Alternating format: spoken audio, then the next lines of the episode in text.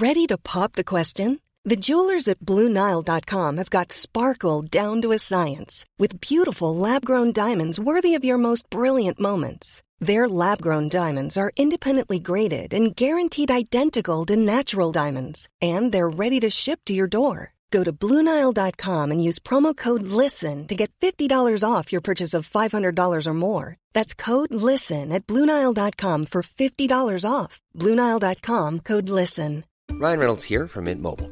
With the price of just about everything going up during inflation, we thought we'd bring our prices down. So to help us, we brought in a reverse auctioneer, which is apparently a thing. Mint Mobile unlimited premium wireless. Ready to get 30, 30, bit to get 30, bit to get 20, 20, 20, bit to get 20, 20, bit to get 15, 15, 15, 15 just 15 bucks a month. So, Give it a try at mintmobile.com slash switch. $45 upfront for three months plus taxes and fees. Promo rate for new customers for limited time. Unlimited more than 40 gigabytes per month. Slows. Full terms at mintmobile.com. Hej och välkomna till allra sista lille lördag. Nej, jag säger inte det. Nej, Det vet man då? inte. nej det vet man i och för sig inte. vet man aldrig. Gud, det finns ju en helt underbar bok som heter eh, Tisdagar med Morris. Eh, som handlar om en, eh, en gammal man och en hund va? Mm. Ja. Så känner jag lite så här att eh, mina måndagar har varit så här måndagar med Anita. Och nu blir det konstigt. Hur gör man nu? Ja, nu får vi bara umgås.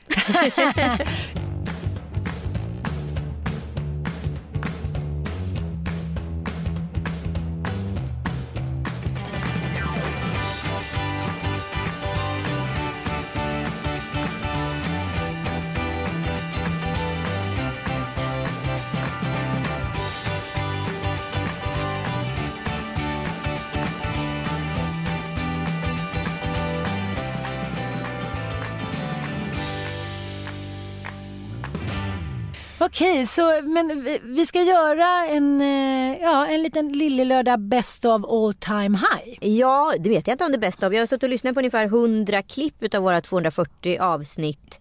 Eh, vi började alltså första podden i, kan du gissa när? Gjorde den? Ja, Bobo eh, var ju lite, vad kan det vara, ganska exakt fyra år sedan? Ja, 3 mars 2015 släpptes det första avsnittet. Och sen har det kommit en jäkla massa avsnitt. Sen har vi gjort någonting som heter Store lördag och sen är det några avsnitt som har gått åt helvete som aldrig har kommit upp. Men jag tror totalt sammanlagt har vi nog gjort runt 280 avsnitt eh, utav podden. Eh, men det är 240 som är publicerade just i det här forumet. För vi gjorde ungefär 10 stycken Store lördag och sen har vi gjort lite gästspel och andra poddar i andra kanaler och sådär. Ska vi lyssna på hur det lät från allra, allra första början? Nej, jag måste faktiskt eh, börja med att credda en människa eh, vars eh, inblandning och eh, fantastiska klippförmåga vi inte hade suttit här. Ja, alltså, ja, ja. Alltså, jag kan säga att utan honom så hade den här podden inte varit en podd. Eh, han heter Magnus Silvenius Öman. Ja, Vi han bor i Los. Angeles. Ja, jag tyckte det var så roligt när vi var och tog en liten AV med honom för någon månad sedan. Då hade, jag hade aldrig träffat honom IR life. Det är så sjukt. Och så började jag berätta någonting. Han bara, ja jag vet. Och han visste nästan mer om mig själv än vad jag vet. Och Pe- Peppe, hans eh, respektive, är jätteduktig journalist. Och, och, hon och Magnus har en fantastisk podd som heter Peppe och Magnus podcast. Ja, den kan ni börja ska lyssna på istället. tas vidare efter Lill-lördag. Sen ska man fortsätta lyssna på mig och Ann. För vi finns ju två gånger i månaden på Podme med våran crime-podd som vi älskar. Som heter Partners in Crime. Och eh, det som kommer nu i januari är ju Jack the Ripper och Kim Wall. Så det här vill ni inte missa. Ladda ner podme appen eller gå in och registrera er på podme.com. Kostar 29 kronor i månaden men första månaden är det gratis. och eh, ja, som sagt, det här är good, good crime shit. Ja, good crime shit. Fan vad vi jobbar. Ja, Ja. vi var loss, vi var loss. Det är så roligt ju. Men nu eh, sätter vi igång den här eh, underhållningskavalkaden utav gamla klipp och små korta analyser. Hej och välkomna till Lillelördag. Lille lördag. Ja, tycker du att det är ett bra namn på vår podd? Jag tycker egentligen att det ska heta Anita och Ann. Eller Ann och Anita. Det är lite såhär Lennon McCartney. Vad börjar vi eftersom båda namn på A? Ja, men Lillelördag. Med Ann och Anita. Ja, med Anna och Anita. Ja men det är bra, det är mer kläm i det. Det är lite så småstadsaktigt. Ja. Till exempel i Enköping. Så två av mina killar har kommit från. Där går man ju mycket ut på onsdagen för att liksom, det ska hända någonting i veckan. Och så är ju lite både du och jag. Vi vill att det ska hända något i veckan. Vi vill alltid att det ska hända någonting. Ja.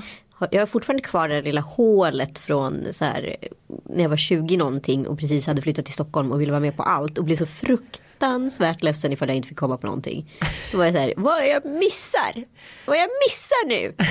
Är man tvungen att hända någonting hela tiden. Ja men då, är, då därför tycker jag att det är bra när vi bestämmer det. Och gillar ni den här podden så tycker jag det vore kul om ni hashtaggar oss och på vilket Instagram eller Facebook eller vad det nu är som helst och skriver bara Flickr. flickr eller lille lördag i hashtag lille lördag. Eh, Inte lilla lördag utan lille lördag. Det är lite småländskt, något småländskt över det. lille lördag. Lille lördag. Det där var ju skånska. Ja. Ja. Ja, geografi har aldrig varit min starka sida. Jag tycker också det är väldigt roligt att precis innan den här podden så har Ann då bestämt att hon ska eh, ringa på en lägenhet. Eh, hon ska fixa en barnflicka och vad heter det? Och vad heter slut med sin man. Gör, gör slut med sin man och fixa sin panna. Och får också alla råden från mig att göra det. Sen blir jag arg på henne för hon ska faktiskt exekutivt ska göra det här. Det är bra med dig för din hjärna är lite som min. Ja vi klickar. Ja det gör vi faktiskt. Ja, och vi får saker gjort på våra väldigt märkliga sätt. Men alltså, är det inte lite jobbigt ändå att höra att ditt liv var ungefär som det är nu fyra år senare? Har inte vi precis den här diskussionen typ innan? Jag vet, usch. Ja, ja. Man får tänka så här att eh, det finns många år kvar. Och för... ja.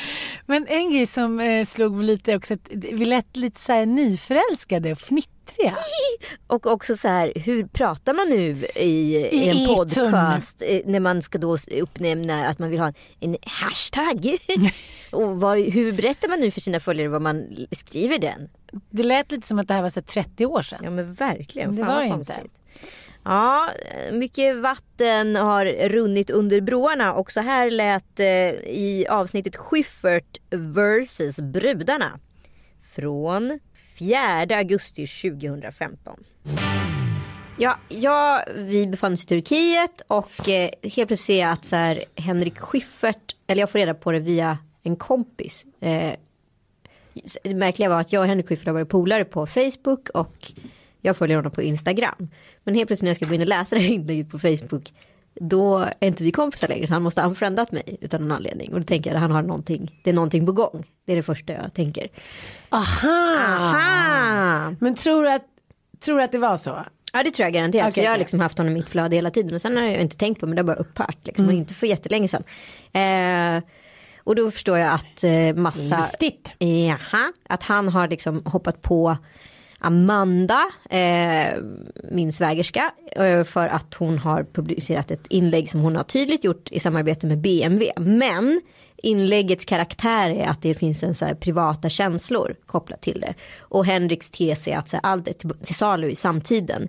Eh, och jag vet inte längre vad som är äkta och vad som är riktigt. Eh, och jag tycker att det är så här, dels så tror jag att följarna som följer är väldigt på det klara med vad som är köpt och vad som inte är köpt. Sen är det ju liksom per definition en svår fråga för allting i en eh, offentlig persons eh, Instagramflöde eller Facebookflöde eller vad det nu är, blogg. Det skulle ju kunna vara marknadsföring. Att jag har varit i Turkiet och lagt upp massa härliga bilder därifrån. Det skulle ju kunna vara marknadsföring. Någon kanske känner så här, gud vad härligt de verkar ha, vi åker dit. Men det är ju inte en, ett köpt media. Däremot måste man ju tydliggöra vad som är köpt för sina läsare. Det tycker jag är det enda som kan skilja på känslor och känslor. Samtidigt Men det man är ju jätteotydligt, det måste du hålla med Jag om. håller med om det men Ja. samtidigt kan det ju vara så att jag älskar den här kaffelatten. Absolut. Eh, för att jag faktiskt älskar den. Och sen ska det ju vara så att det där kaffeföretaget får reda på att jag älskar den kaffelatten och- hör av sig till mig och säger så här, gud vad kul att du gillar våran latte. Får vi sponsra dig med en latte? Jajamän säger jag, för då helt plötsligt går ju de här två världarna ihop då. Så då kan jag både älska och få betalt för någonting och det blir en äkta känsla och en betald produkt. Bara att jag tydliggör det med, och med en liten hashtag eller vad det är. Gud vad det där kändes som ett dilemma för liksom 30 år sedan. Ja. Men, som Alltså, så här, nu ska vi förklara för publiken hur det går till när man gör reklam för en kaffe. För det här var ju faktiskt vårt första mediadrev. Ja. I, eller i alla fall ett av mina första mediedrev där jag blev liksom attackerad utav Schyffert. Eh, då jag eh, skrev om en kompis organisation som heter Sorgeband som jobbade med Suicide Zero. Och han tyckte att det var förkastligt att jag kunde marknadsföra sorg på ett ganska groteskt sätt enligt honom. Eh, och, eh, men han började med att så här, först eh, liksom köra loss på Amanda och sen så var det någon annan som var i, i, ja, i skottlinjen och sen så blev det jag. Och jag hade en ganska lång och liksom vettig diskussion med honom om det här. Men det kändes ju, idag är det här såna självklarheter med betalda mm. samarbeten. Alltså hela, att alla känslor är till salu liksom. Men idag om Schyffert skulle gå ut och eh, försöka klanka ner på någon som hade gjort betalt samarbete så skulle det ju bara liksom då skulle det bara visa att han inte har hängt med. Det skulle ju bara klinka ihåligt mellan raderna typ. Ja och grejen är så jag såg inte någon liksom, större skillnad på att Schyffert gör reklam för sina egna shower som han då länkar till biljettförsäljningsställen. Som att han gör betalda samarbeten med bolag som betalar pengar för saker han gillar. Ja, men det, det är väl det att många av de, av de här lite mer då, eh, så kallade kreddiga eh, människorna de har ju liksom på något sätt bäddat in sina samarbeten i en show. Eller ja, det har ju vi också gjort nu. Mm. Men eh, för det så har väl alla insett att så här, eh, den ena är inte finare än den andra utan allt är faktiskt till salu. Mm. Mm. Eh, och sen så, det är ju svårt i en sån, vad ska man kalla det för, utsåld värld. Mm. Att vara liksom eh, någon form av kulturarbetare som inte vill tjäna pengar. För att även Henrik Schyffert tjänar pengar. Eh, och det är ju vi med bara på extremt olika sätt. Och sen så är det väl upp till Schyffert eller till mig att bedöma vad som är fint och vad som är fult. Sen är det också så att de senaste fyra åren så har ju faktiskt jäkligt mycket hänt. Det finns ju helt fantastiska Det har det ju nästan alltid gjort i USA. Men Sverige har ju ändå så här, jag menar, stegat i fatt. Eh, har du till exempel sett den här nya Elton John-reklamen? Julreklamen. Oh, helt fantastisk. Ah. Ja, men vi pratar i alla fall om reklam på sociala medier. Det frångick han lite, men ändå.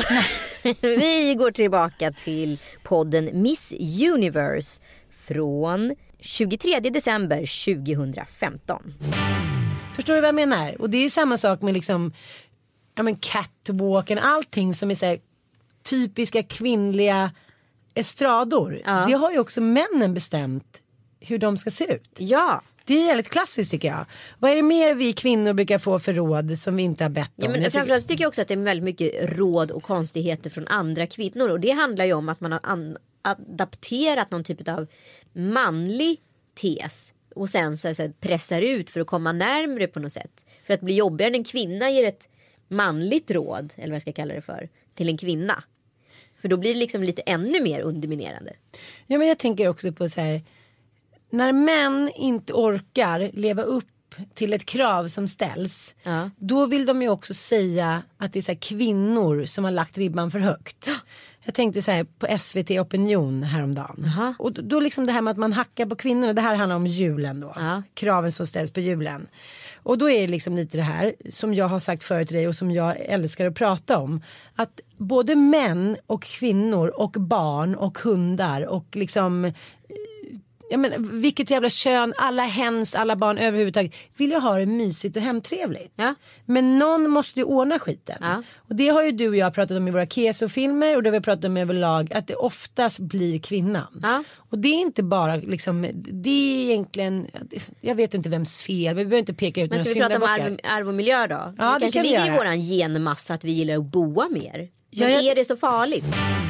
Gud att det märks att det här är innan metoo. Ah det finns verkligen ett innan och ett efter. Ah. Där vi så spekulerar om saker som har varit så otroligt självklara. Mm. Som vi nästan, nästan låtsas som att vi vet att sen vi föddes efter metoo. Så har det verkligen inte varit. Det här var alltså ett och ett halvt år innan. Mm. Det låter som att vi så här, två liksom gamla tanter, liksom bakgård på Söders, Anderssonskans Kalle på 50-talet. Ja, det är klart att vi får göra mysigt för karlarna och barnen och hundarna ska få ha det bra i jul. Intressant Jävligt intressant alltså. Vi går vidare. Mm. Ja men hej! Hej! Snart är det jul. Ja, jag sitter och fidar dig. Ja det gör du. Idag hade du köpt, notera, tre lussebullar. Ja, för jag kommer på att en bulle är inte tillräckligt. Nej. Och två bullar är för mycket.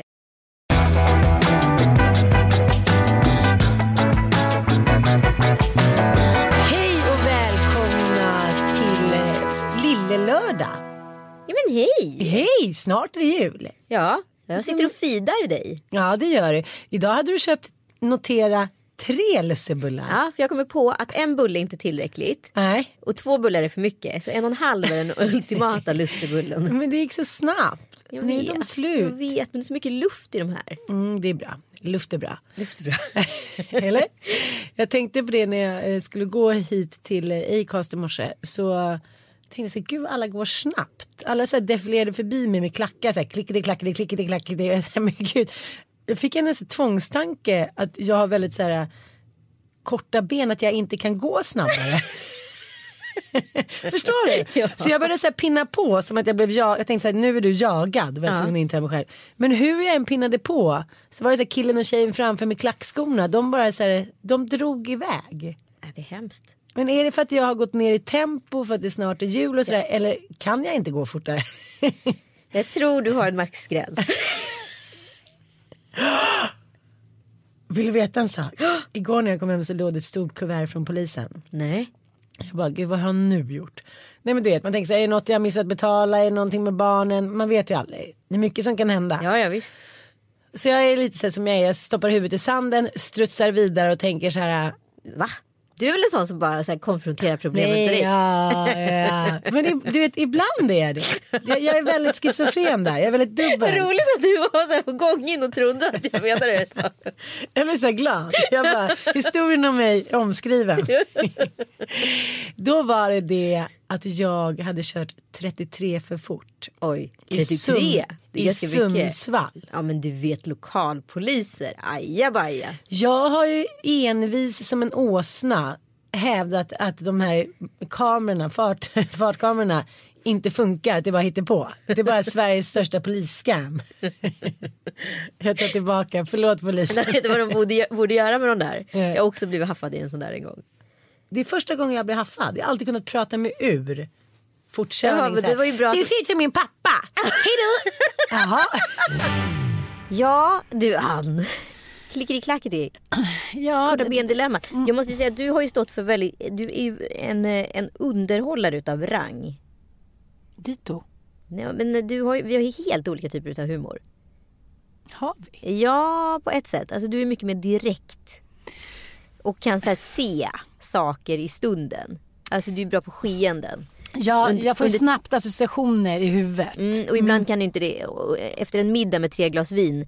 Då är inte du bäst på att liksom Översätta. förklara vad som händer innanför pannbenet till de som är utanför pannbenet.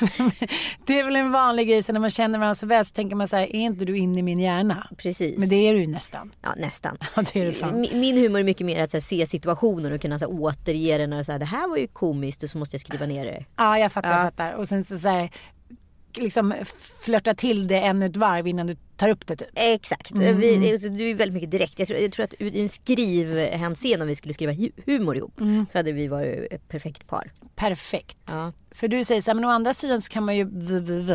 Mm. Medan jag kommer på lite tokiga eh, formuleringar. Ja. Nej. Och du vet när man är så i någonting så att man känner, liksom, man känner sig nästan sektifierad. Det går ganska fort.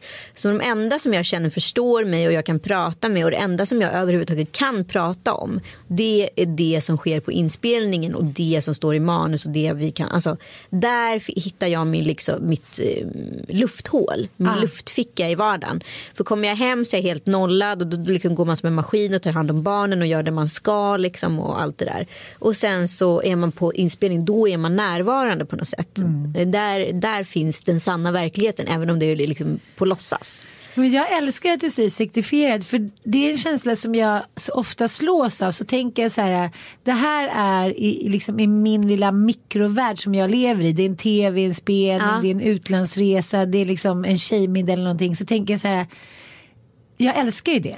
Jag älskar ju till exempel när man åker iväg, men ta vad som helst, ta, eller vadå ta vad som helst. Men ett, en väldigt speciell eh, sektifierad liksom, resa är ju när man åker ner på Fångarna på fortet. Det här är ju spännande för att den här podden den är ju också lite för mig när man backar på det här sättet att eh, lägga pusslet till, en e till ens egen skilsmässa. Alltså den här podden har ju två dödsfall. En nära vän till mig och eh, Kalles mamma som båda har gått bort under vi har spelat in. Under tiden vi har spelat in. Och sen så har det kommit en bebis, Frasse. Och sen så har det också kommit en skilsmässa. Ja. Så för mig är den här, liksom, att backa det här bandet lite att lägga liksom, eh, pusslet till våran skilsmässa. Och då hittade jag den här eh, sekvensen där vi jobbade väldigt högintensivt i juni med mammor. Och det här är alltså juni innan eh, oktober samma år som vi faktiskt skildes. Så att jag, se, jag kände och skönde att det här var upprinnelsen. Men ibland tänker jag så här. Eh, jag menar, vissa tillfällen i livet så tänker man så här. Om jag gasar nu. Då kommer jag vinna det där X. Men om jag gasar nu så kommer jag förlora det där Y. Och eh, kan det ha varit lite så i det här fallet? Att, så här, att du jobbade bort någonting. Fast det blir också så här kvinnlig take på det när jag ställer den här frågan egentligen. Ja och det är den som är lite så här. Det finns väl ingen man. Det är inte så att varken exman eller befintlig man eh, har liksom någonsin frågat mig ska jag köra Nej. eller ska jag bromsa. Nej. Det har väl bara varit liksom fallit sig fullständigt naturligt. Sen kan man ju ibland känna så här. Nej men det här är inte bra för mig ur ett familjeperspektiv därför att. Men här har man ju liksom så här. This is your shot. Det här är liksom din enda chans. Ta den eller ta den inte. Det är ju ett omöjligt val. Alltså det, eller det är ett självklart val snarare. Jag tycker det blir så otroligt tydligt den moderna kvinnan i Star is born. Att eh, kanske för bara tio år sedan så hade kvinnan tagit ett steg tillbaka. Då i det här fallet Lady Gaga, vilket hon också gör. Men sen bestämmer hon sig för att nej, jag måste köra. Eh, vilket eh, ja, i förlängningen eh, tror inte jag har förändrat någonting. Men jag har ändå blivit anklagad för det av eh, några ex-pojkvänner. Att så här, du fanns inte där för mig då och hiten diten diten. Men alltså jag har aldrig anklagat en man. Hur hemskt mitt liv än har varit. Med min mammas död och cancer och alkoholism och eh, skilsmässa och fan hans moster. Tror jag aldrig att jag i efterhand har sagt så här. Du fanns inte där för mig då. Nu ska vi lyssna på programmet Kulturkvinnan. Spännande att vi döpte det till det. Och det här är alltså 14 december 2016. Eh, det vill säga ganska exakt ett år innan metoo. Det fanns ju en väldigt spännande debatt förra veckan som jag liksom har bara ah, satt tänderna i. Eh, det var DN som hostade den. Och det handlade om eh, kulturmannen. Finns han? Och finns han i fler sfärer än just i kulturen? Och vem är mannen och hur skapas han? Och det var Lena Andersson och Carolina Ramqvist som eh, debatterade det här, eller diskuterade det här.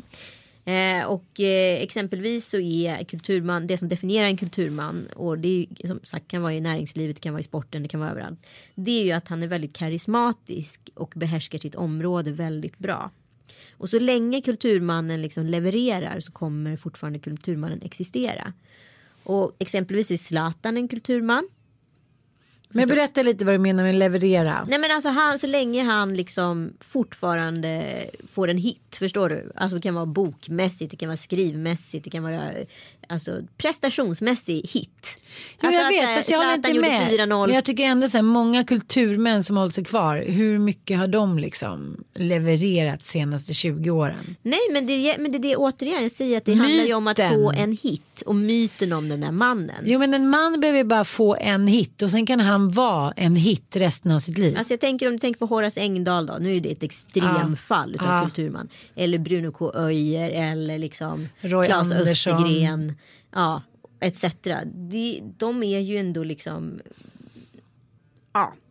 Att Roy Andersson till och med går ut och säger att det är han själv som är Hugo Rask. Det är ändå liksom där någonstans. Och så här.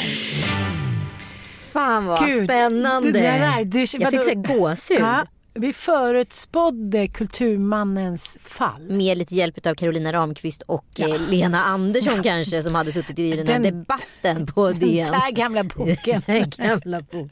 Men jag tänker ändå så här. Eh, jag har själv eh, fallit eh, liksom till föga för de här olika männen. Jag hade ju en liten, eh, liten eh, svag ådra där för eh, Horace och dit.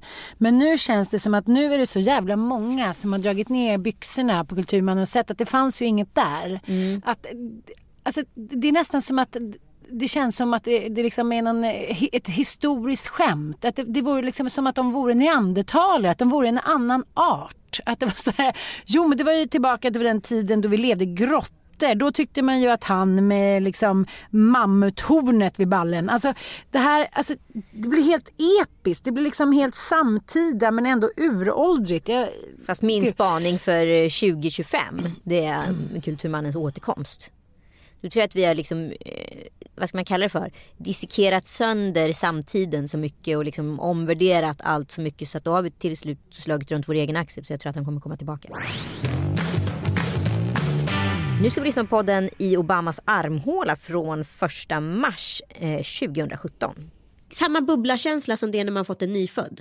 Ja, Du vet ja, vad jag menar? ja, man är, ja, psyk- ja. psykopatbubblan som bara är så jävla vacker Och man och, mjuk. åtrår den där bubblan så mycket. Den är så vacker. Man vill aldrig att den ska ta slut. Man vet att det är så här Guds lilla strössel. Den kommer hålla i 24 timmar. Exakt, i den här himmelsängen kan, är det bara du och jag. Och vad som sker här inne och mellan oss det är fantastiskt. Och det är kärlek. Jag älskar dig här inne.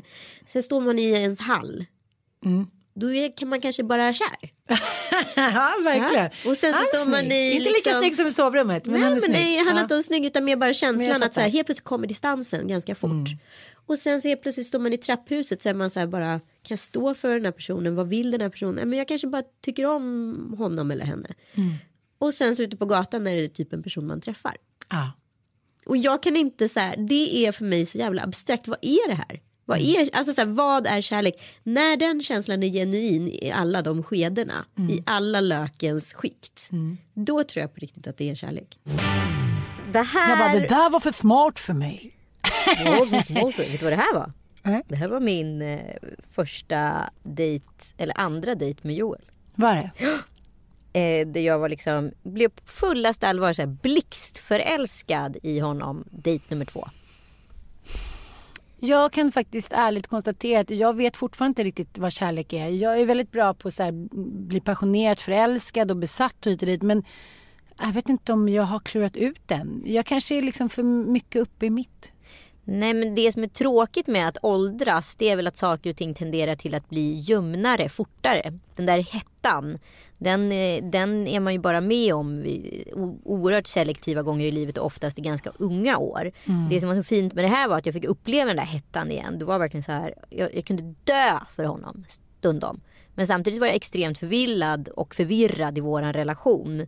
I och med att ingen uttalade. Jag mår ganska dåligt som nyförälskad. Så att då var det så här, jag älskar dig i, den här, i det här sammanhanget. Men där ute vet jag knappt vem du är. För att vi hade ju liksom bara ett liv med varandra under flera månader. Som vi bara umgicks i hemmiljö. Och sen åkte vi till Rom i mitten utav eh, mars. Det var en jättebra resa. Mm, det gick jättebra. Eh, det gick för bra. Eh, göra slutresan, så smart. Så jävla smart. Eh, nej men, så att, så här, jag visste ju inte vem han var. Alltså, jag visste inte att jag, ens, jag kunde inte ens porträttera att jag skulle gå på stan med den här personen. Förstår du? Det tog, vi vågade oss ut i Stockholm i slutet av april. Och då gick vi på Book of Mormons och sen så gick vi på en restaurang. Det var första gången vi var ute utanför dörren tillsammans. Från liksom mitten på februari till, till vad heter det, slutet på april. Lite som Yoko Ono och John Lennon. Verkligen sängstrejken. Fast med in, indisk touch.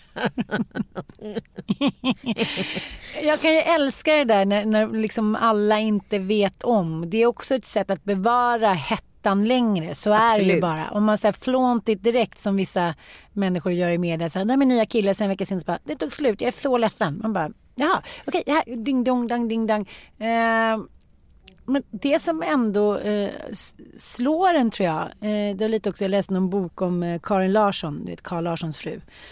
Och eh, hon sa så här, men gud jag tittar mig i spegeln, jag känner mig fortfarande som 15 men mitt emot i spegeln ser jag bara ett gammalt russin och ett trött ansikte. Att, att, att när man var yngre trodde man så här, men, ja, men man är väl sådär tokkär när man är så här, mellan typ 12 och 20. Och sen blir det liksom direkt en mer mogen kärlek. Men jag kan inte skriva under på det. Jag kan liksom bli lite miniflörtförälskad. Så här, Åh gud vad det pirrar. Och sen så med Mattias var jag också superkär. Ja, nej, men jag tycker att så här, känslan att vara förälskad den är central oavsett om du är 85 eller om du är 13. Men det enda som är att brinntiden blir desto kortare för vardagen blir liksom hamnar Ja. däremellan liksom. Ja men det är kanske är sant. Men det som jag tycker är den stora skillnaden är att man glorifierar inte vare sig mannen eller relationen på samma sätt som man bara gjorde för 15 år sedan. Man var så här, jag ska dö, jag ska leva, jag ska bo, jag ska alltid vara med honom annars kommer ingenting vara värt någonting. Och jag älskar att den nya generationens kvinnor inte alls är så. De är så här, men jag, jag känner inte att jag vill bli kär nu först jag har pluggat klart och det. Man bara så här, kan man bestämma själv? Exakt. Men kan man bestämma själv? Det undrar jag. Även jag om har aldrig klarat det men, men jag, jag känner att det är väldigt mycket det fysiska. Så här. Ibland kan jag, jag har alltid blivit kär att jag står bredvid en man och tänker så här. Om inte han kysser mig nu då kommer jag dö. Och sen har jag gjort det och sen har jag varit kär. Mm. Så svår har jag varit. Och det har också hållit i sig. Ja. Det har inte varit liksom, de få gånger jag känt så, så har det inte varit så här två veckor senare att jag känt så här, nej. Utan de liksom, vad kan det vara, fem, sex gånger man har känt så, så har det varit, eller kanske tio, så ändå liksom, även om man var tio så har man ändå blivit kär i den personen och det har inte gått över. Och så, ja, nej. Så måste känns det. Nej men eh, det kan jag verkligen hålla med om. Sen så tycker jag det är intressant för att så här, vi sågs i hemmiljö och liksom vi låg i sängen och kollade på serier och liksom låg och allt vad vi gjorde i sängen läste och bara babbla. Så att våran så här, zon är fortfarande liksom sängen. Alltså det är där vi liksom trivs som bäst. Jag funderar på om man så här, nu hade träffat varandra mot förmodan i en bil. Hade då bilen blivit så här Alltså viktig för Ja, jag ja, men fattar, Förstår du vad jag menar? Att så här, platsen där man så här, sågs det är den som blir Ja, liksom, där ja. passionen uppstår mest. Men jag tycker ju fortfarande att ni faktiskt är ett ganska osannolikt par. Det är vi ju fortfarande. Alltså jag menar inte på något dåligt sätt. Jag tycker ni är ett superbra par. Men det är fortfarande lite så här, hur gick det till? Det vet inte vi heller. Nej. Nu går vi vidare. Det gör vi. Nej men du vet. Jag skulle vilja kalla den här ståuppan lite för PS saker jag undrar över. Ja, spännande. För att eh, det händer ju att jag går och lägger mig ganska tidigt med barnen. Och sen så är man på väg upp och man ska städa och kolla på tv och så här. Men sen så är det så jävla skönt att ligga där. Eh, och sen så har jag, jag har ju, ammar ju fortfarande och eh, jag har i och för sig väldigt, väldigt långa bröstvårtor så jag skulle kunna gå till badrummet och fortfarande amma. Men nu har jag valt att inte, att inte ta det steget. Ja. Men så jag tänkt på sådana människor som verkligen råkar illa ut. Som till exempel Mona Sahlin. Hon, råkar ju liksom, hon råkar inte illa ut en gång utan så här 20 gånger. Hon gör om samma misstag. Eh, om man till exempel, hon kan ju aldrig komma tillbaka till politiken. Men så tar man till exempel eh, Eh, Clinton. Jag menar, han gjorde ju verkligen ett stort misstag när han stoppade in den där cigarren i, i Monica Lewinsky's underliv. Oklart varför. Jag tänker för hennes skull om hon fick ut någonting av det. Jag menar så här, ja men jag tänker att varför tog han inte någonting större? Han har fan tagit en banan i alla fall. Är det någonting som fanns som var mer, jag förstår fortfarande inte varför han tog cigarren. Om han inte liksom ville elda upp henne på något sätt så här. Men då har jag tänkt så himla mycket eh, efteråt. Alltså det som förstörde saker för de här människorna, det behöver inte vara politiker, det kan vara vem som helst. Det är ofta attribut med som har satt dem liksom i klistret. Och då tänker jag ofta så här, Eh, äter Mona Sahlin fortfarande tab- Toblerone? ja, är inte det en relevant fråga? Men eh, alltså briljant. Men Ja. en grej som jag tänkt på länge. Säger du ungefär 3000 gånger. Ja, men jag har haft olika sådana favoritord. Ja verkligen. Verkligen uttryck som jag håller, jag håller på med ungefär i tre, fyra månader. Ja och sen släpper du dem Ja. och så går du vidare. Men man säger så här. Ja. Den har jag i och för sig kört länge. Ja, den har varit länge. Man säger så här. Men man tänker så här. Jag vinklade den lite sen. Ja, man tänker så här. Du fick till det. Mm, Men eh, det var väldigt roligt. Jag tycker du ska jobba vidare med dina ståuppgrejer. Däremot så måste du ha kortare till ansats. Det är långt nu. Mm. Ja, jag fattar. Men jag har ju faktiskt fått förfrågan eh, eh, länge och sagt men jag, jag kommer nästa månad och känna ett litet så här. Jag förstår att det kommer ta jättelång tid men ett minikini-case på två minuter det skulle väl jag kunna hyvla ihop på några månader och sen så bara testa hur det var. Ja absolut. Du har ju Ja. verkligen material batch att köra på. Mm. Kan, vet du, nu har du ju Mona Sahlin och Clinton och hyenan. Den är bra. Då är det klart. Det är klart. Du behöver inte gå och kolla. Du får lyssna på podden. Nu ska vi lyssna på podden eh, Nedtystat. Det här är alltså 25 oktober 2017 och vad som är signifikant för det här datumet det är ju att det är mitt i metoo. Jag känner han som Cissi har blivit liksom eh, utsatt för. Vi är många som har känt de här personerna och är kompisar med båda. Eh, Jag var så... på en fest med, med honom nyligen. Ja, nej men det är inte så att någon har skyddat någon. Det har bara varit extremt svårt att agera. Och vi är många som står i skuld här. Men det som är svårt i en värld som är social och eh, på något sätt eh, så här, men de, de sociala koderna som finns är ju sedan länge inprogrammerade i oss. Ja, Vi artigheten ju svenskar, om vi överallt. träffar någon som vi känner då kramar vi den och säger hej och liknande. Absolut inte med alla. Men eh, det är ju samma sak som jag har råkat ut för en kille, ett ex till mig som var så jävla ärsle mot mig. Jag har ju flera vänner som umgås med honom nu. Ja. För att nu är han en schysst kille och inte som han var när han var ihop med mig. Och det känns ju jättejobbigt i mig men jag kan ju inte gå in och så här inte vara kompis med dem. Eller jag, jag vet inte riktigt hur jag ska agera. Nu däremot så skulle jag ju markera mycket mer om jag träffade då Fredrik Virtanen. Så då känner jag mig också så, här, så jävla skenhelig. Jaha, nu minsann, när andra vet om vem det är, då kan jag sätta ner foten och markera. För att det här är en gammal kompis till mig. Ja, det här var ju precis efter metoo. Jag tror till och med att det kanske är en vecka, tio dagar efter metoo. Ehm, och här var ju vi fortfarande, och är väl egentligen, jag bara känner att så här, det fanns ju mycket av de här frågeställningarna som fortfarande är relevanta och ganska komplicerade. Jag, tänk, jag tänker, jag, det känns bara så här, jag blir helt fylld med typ fasa. Så naiva som vi alla var. Ja. Vi var ju nästan först ut. För att vi kom ju in på måndag morgon skulle spela in och det här hade briserat Under söndagen. Ja, söndag kväll. När Lolo Carter hade lagt ut att eh, Martin eh, Timell var Sveriges svar på eh, Weinstein. Och eh, ja, men vi tog ju sig an ämnet som glada liksom, 70-talslaxar. Så här, ja, vi pratar lite om högt och lågt hit och dit och eh, ingen ska oss döma. Men oj vad fel vi hade. Herregud vad vi blev dömda. Mm. Jag tycker vi lämnar det dit hädan och säger att vi har lärt oss någonting utav det här och vi går vidare raskt till podden Top Secret från eh, februari 2018. Ja, ja, han pratar ju så här. Gunilla var så vacker. Ja, Gunilla var så vacker och det otrolig var hon. Ja, det var hon. Ja, verkligen, verkligen. Ja, det är fantastiskt. Ja, underbar kvinna. Barneviks dotter du. Till skillnad från dig. Ja, ja, ja, ja, ja. Hacka på bara. Kom på showen får ni höra hur mycket jag utvecklas. Jag övar i smyg. Övar du i smyg nu på dina Jag är invitationer? Edvard. Åh, jag kanske ska vara Edvard. Nej det kanske du inte ska vara eftersom du inte kan göra honom. Nej, det vet du inte. Det kommer, det kommer, det kommer. Det kommer. Jag kanske kan vara Jalanka. Nej men alltså. Du är så jävla dålig. Imitatör. Okej ge mig en gumma. Ge mig en gumma Okej. som du kan hantera. Ah, där är Lill-Babsan. Det är inte ens likt. Det är inte likt någonstans. Okej, eh, det är inte ens likt någonstans. Ja det var lite likt mig. Det är du. Hur går det på imitationsfronten Ansson Fransson? Ja, Men jag tror ändå att jag skulle kunna nå upp till höga höjder. Men jag har väl berättat för dig minnenas eh, arkiv när jag eh, skulle spela Annie i min egen uppsatta musikal. Usch, jag måste ha varit så jävla jobbig när jag var liten. Jag ska sätta upp musikalen Annie så jag kan inte gå i skolan nu. Eh, jag ska själv vara Annie. Eh, du får vara Miss Kennigan. Och, och sen kunde, tyckte jag inte att jag kunde skratta naturligt så jag hade en skratt-stand-in. Inte body eh, stand-in, eh, hör och öppna, utan en skratt-stand-in. Så Josefin Bosmyr fick stå Det här är revolutionerande. Ja, ja, det är det. Hon fick stå bakom och så liksom gjorde jag, alltså jag var nio år. Så låtsades jag skratta och så skrattade hon så här. Så jävla avancerat ändå. Men verkligen, men är det sjukaste jag hört. Manipulativ nioåring. Ja, Alltså. så obehaglig. Mm, tack.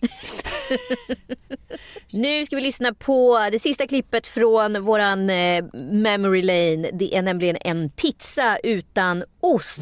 Man borde kunna spotta om det är lämpligt eller inte att gå vidare med någon som man blir lite intresserad av. Okej.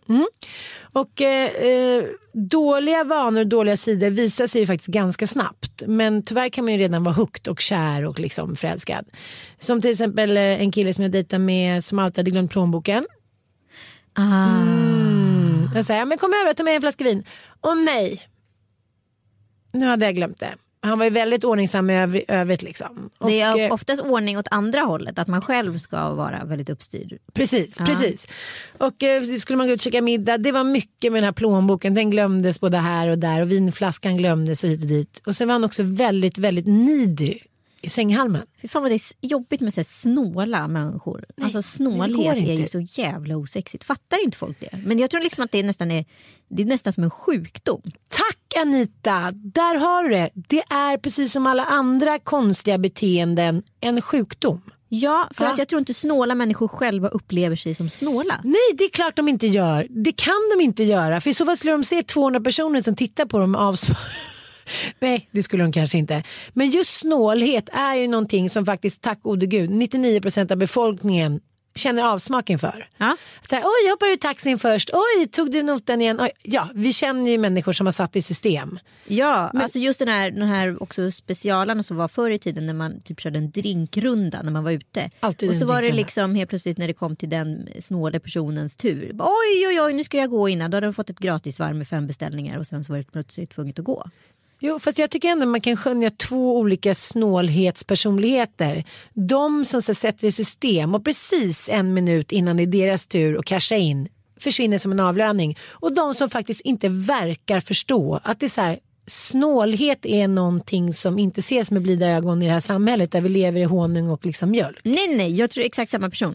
Tror du? Ja, fast jag tror på tre olika, olika parametrar. Jag tror att den strategiskt snåle Ja. Den tror så här, I fucked the system. Ja, jag I outsmarted them. Fast det är bara så att ingen No. så här, orkar någonsin konfrontera en snål jävel. För att det är, borde. För pinsamt. att det är pinsamt. Det är skamligt.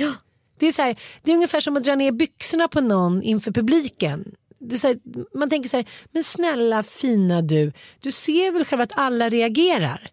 Det är lite så här, ojsan svisen, det är lite som när man inte är kär i en kille längre. Så man så här, det, var inte, det var inte du, det var jag. Jag tycker att det är lite samma känsla, att de tror att man tror att det har med dem att göra fast de inte är kära i en längre. Ja, nej men alltså så Okej, sjukt. Kanske inte världens bästa liknelse. Men hur som helst. Eh, och då tänkte jag så här, det ser man ju tidigt och då blir man ju avtänd. Sen har jag kompisar som lever med snåla människor och det är ju för dem outhärdligt. Plus att de också såklart nås av en liten eh, slevdäng och också blir lite ekonomiska mycket och snåla för att de hela tiden blir matade med så här, nej det där är för dyrt, nej kan vi kolla om det finns ett billigt alternativ, nej. Så de får liksom lirka och lura för att det ska framstå som att det här var ett bra val. Ja, sen tycker jag att det finns en, ett gränsfall här för att, så här, att vara ekonomisk. Skulle jag gärna vilja vara. Skulle jag gärna vilja vara mer också. Eh, min kille är ekonomisk. Ja, Han är inte snål. nej. Han är inte snål på känslor, han är inte snål på prylar, han är inte snål på liksom, generositet och sådana saker. Men han är ekonomisk och han kan då ifrågasätta mig när jag åker taxi, när jag får väldigt mycket parkeringsböter och sådana saker. På ett sätt som jag blir provocerad av och då vill agera på honom som att han är snål. Fattar. Tre p-böter den här veckan, du är snål. Nej, det är han ju inte. Utan han är ju ekonomisk. Men, det är en fin gräns där. Jag vet, men jag tror att det handlar om en själv väldigt mycket. Där. Det- Jag tycker att det är fint för det handlar om jävligt mycket personligt ansvar. Att Ja. här, det är en hederssak för mig. Jag hade en tjejkompis, de fick, och hon och hennes man fick alltid p-böter, det var betalningsanmärkning. Och så satte de sig ner en dag och så sa de så här, fuck this. Inte en jävla betalningsanmärkning, inte en p-bot så här, resten av vårt liv. Och när de väl hade bestämt sig så har de ju hållit det också. Det är ju såklart. Men det där är ju också så går ju alltid hand i hand när man har mycket att göra. Oj, en p-bot. Oj, det är en nonchalant stil för att man tänker så här, jag tar risken för den istället för att komma ännu mer för sent eller istället för, alltså det Men handlar I om mitt huvud så handlar det om att jag tror att jag ska the allt smart då. Att så här, jag har kan ha tur. Att jag liksom blir lite gambler då. Mm, jag vet, för att jag jag vill liksom så här. Okej men nu har jag inte fått några p-böter den här veckan. Då kanske det är värt att chansa den här gången. Så att jag kanske inte får någon. Och så får jag någon så blir jag skitsur. Ja, men ja, därför, det är tillbaka skitbra. till mannen. vi Tillbaka pratar till mannen då. Som är psykopat. Som vi skulle kunna lista ut vem det är tidigare. Ja, men jag behöver inte, vi behöver inte dra det så långt som psykopat. Men om Men jag vi ska, skulle ju prata om psykopatiska drag hos Ja. killar så man fattar varför man ska lämna dem. Snålhet det var en. lät så hårt bara. Jaha. Ah. Eh, snålhet en, Mm. när de så här, har konstiga beteenden som de avslöjar för tidigt. Att Som? de, ja, men till exempel så här, inte ta ost på pizzan som mitt ex. Och så, här, Jag trodde du skulle ha lite bättre. Ja, hur går det med din gärningsmannaprofil? Nej men alltså eh, nu har inte jag snackat med Leif GW på ett tag om det här. Men eh, jag underskattar aldrig märkliga beteenden. Nej. Tidigt in i relationen. Herregud. Och jag skulle vilja ösa ur massa konstiga beteenden nu. Så man kommer, ja! Nu kommer jag på den. Eller det var ju inte så jättemärkligt. Eller det var ju helt galet märkligt. Men Ulf eh, Johansson, nej. Vem ska ha Ulf Olsson? Ja. ja men som till exempel Ulf Olsson. Ja. Eh, Helens och... Eh, hon? Kommer inte. Katinka? Nej hon heter inte Katinka. Ah, skitsamma. Ja men som till exempel Ulf Olsson. Helen Mördaren. Mm, precis. Eh, han var ju med i ett program. Det är roligt att du har tagit om, ja, över min gamla besatthet för honom. Ja men det var ju bara för att jag var med där. Vad blir det för ja, men, mord? Ja men grejen är det är det sjukaste brottsfall i Sveriges nej, historia. nej men jag hade ingen aning. Jag hade liksom ingen alls Nej, men koll alltså, jag på var det helt där. besatt utav det här för hon var ett år äldre än mig. Så jag har ju följt det här sedan jag var liten. Jaha. Ja, jag var helt manisk. Ja, skitsamma. Nej men det, är sjuk, det måste vara ett av de sjuka. Alltså det Ja, är ja, ja. sjukare än Madsen. Det är sjukare än allt, allt, Ja, allt. sjukt. Madsen har ändå så här varit lite och sen gjort en galen... Nej Ja. men han har gjort en galen grej. Men det här har liksom system... Nej jag Ja, tycker det är så galet. Det är så galet. Eh, Vad ska vi säga? Han- Nej skit i det. Jag skulle säga det där med teckningarna bakom. Men det var ingen som såg. Nej. Men kan vi inte säga något annat? Nej, men, Ja, men okej, jag säger, jag säger inte okej. Mm. Nej men jag tänker att man, sådana saker som man tänker så här, det där är weird. Det ska man liksom beakta. ja, för det är oftast weird. Ja, jag hade ett ex som varje natt vaknade så här mellan fem och tio gånger och tog ett Lypsyl som en galen människa. och gjorde så här som en liten, du vet, så här spetsig. Besatt av Lypsyl. Ja, men jag berättade väl om det en gång i podden. Min kompis som hade en jätte-weird kille. Och eh, han ville aldrig ha sex med henne. Liksom, på dagen hon var så här, vad är det för fel på mig och så vidare. Så varje gång när, hon, när han hade sex med henne, det var när hon sov. Nej men sluta! Så jävla obehagligt! Men hon märkte inget? Jo, då so- sov hon och då märker hon att han är på henne och liksom ligger och håller på. Och då vaknar hon till och då slutade han direkt. Den var aldrig inne typ. Ish, på väg in. Gud jag får så många. jag bara, själv har man aldrig gjort något konstigt. Nej, har man aldrig. Det är bra. Det. Ja, och eh, eh, en sista grej. Eh, eh, jo, just det. Jag träffade en kille som jag blev ganska förälskad i och han då förklarade att han just då, när vi blev förälskade, var inne i en avhållsam period. Ja. Han skulle leva som munk. och jag var så här nyseparerad och kåt som jävla höna utan fjädrar. Nyplockad. Jag vet inte, Dan. jag, jag vet inte, Dan, jag vet inte om de är särskilt kåta. Det kanske inte är. Usch, det där blev som eh, sex med djur. Men, men ehm, jag kan behålla den. Ja. Hur som helst. Eh, och där låg vi sida vid sida och jag i någon liksom eh, negligé hit och dit och han skulle då hålla sig. Det var ju helt outhärdligt. Men gud, jag förstår Ja, det. så till slut var jag bara såhär, nej men då eh, tar jag med någon annan eh, mans eh, lem, höll jag på att säga. Och då kom det eh, videor med snuskiga meddelanden. Jaha, jaha, Mm. ja. Man höll på att förlora. Oj, oj, Han tog oj. till den gamla kvinnliga, historiska, trojanska. Verkligen. Mm, att ni, får inte komma, ni får inte komma hem igen först det är fred och ligga. Men eh, populära inslag i podden har ju varit skämskuddar Ja, just och spökerier. Det måste vi säga att det är våra så här, topp ett. Ja, Skämsspöken kanske vi ska släppa nästa podd. men skämskudde, det var ju väldigt länge sedan vi tog upp någon. Ja, jättelänge. Har du någon? Nej, faktiskt ingen en på gång just nu. Det är, alltså, skämskuddar för mig måste man säga. Jo, jag har en skämskudde. Mm, säg det. Eh, det var under Lucia-lämningen. Det här är så bra skämskudde så det här kommer jag ta med till eh, olika tv-serier och sånt där som jag kommer jobba med i framtiden. Eh, på Lucia-firandets eh, lämning på skolan så är Joel med, jag är där, Penny är där och Kalle är där. Och vi ska säga hej då till Penny, eller jag ska säga hej då till Penny för vi ska gå, jag och Joel. Så jag säger hej då älskling, ha det så bra. Och både Penny, Joel och Kalle reagerar. Det är en ganska bra skämskudde. Förbannat bra scen. Ja, så jävla bra scen. Otrolig. Ja, Det, det kan man inte skriva för det är för bra. ja det är faktiskt för bra. Men, men det är inte så konstigt. Nej det är inte ett dugg konstigt. Jag, jag, jag tänker att jag ofta säger liksom mitt exnamn till Mattias och mycket på senaste tiden. Men han har aldrig sagt sitt exnamn till mig. Undrar vad det beror på. Det kanske Jag har också sagt ex-namn till Joel. de, jag skulle faktiskt bli ganska sårad om det. Ja, han blev det. Ja. Men han är ung också. Ja, sant. Men alltså tack snälla söta rara för att ni har lyssnat och varit med oss. Det är klart att vi kommer tillbaka någon gång men vi vet bara inte riktigt när. Och alla ni gulliga som har skrivit att ni redan saknar oss innan vi ens har slutat, att vi ska tänka om. Man vet aldrig var vi kan dyka upp. Det kan vara på, eh, ja, danska bårhuset. jag. Snälla Ann. Ja, jag vet. Det får så många konstiga associationer. Eh, men det handlade ju om också att vi, att vi har gjort en crime-podd precis om eh, Peter Raket Madsen. Eh, många eh, konstiga händelser har skett. Många roliga, mycket skratt, mycket kärlek. Vi har varit ute på mycket turné. Ja. Det måste jag ändå säga att här, den tar jag med mig liksom in Ja. i kistan. för att det var ändå ett episkt roligt segment i Ja. poddtiden. Och så jävla roligt också att det började lite haltande och sen sista showen så var det bara så här Welcome and bienvenue, welcome to cabaret, un cabaret. Ja, den där låten var ju på ens inte. Ja men här är med. Nu avslutar vi med den här.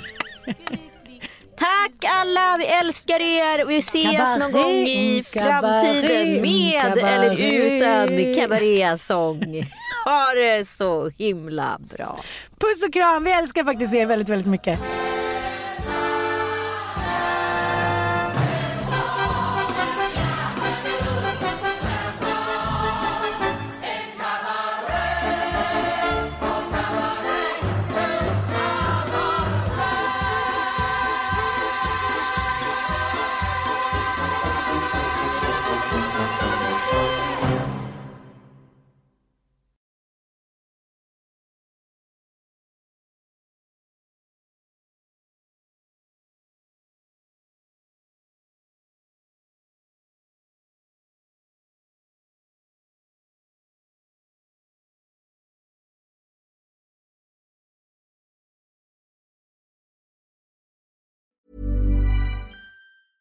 A lot can happen in the next three years. Like a chatbot may be your new best friend. But what won't change? Needing health insurance. United Healthcare Tri Term Medical Plans are available for these changing times.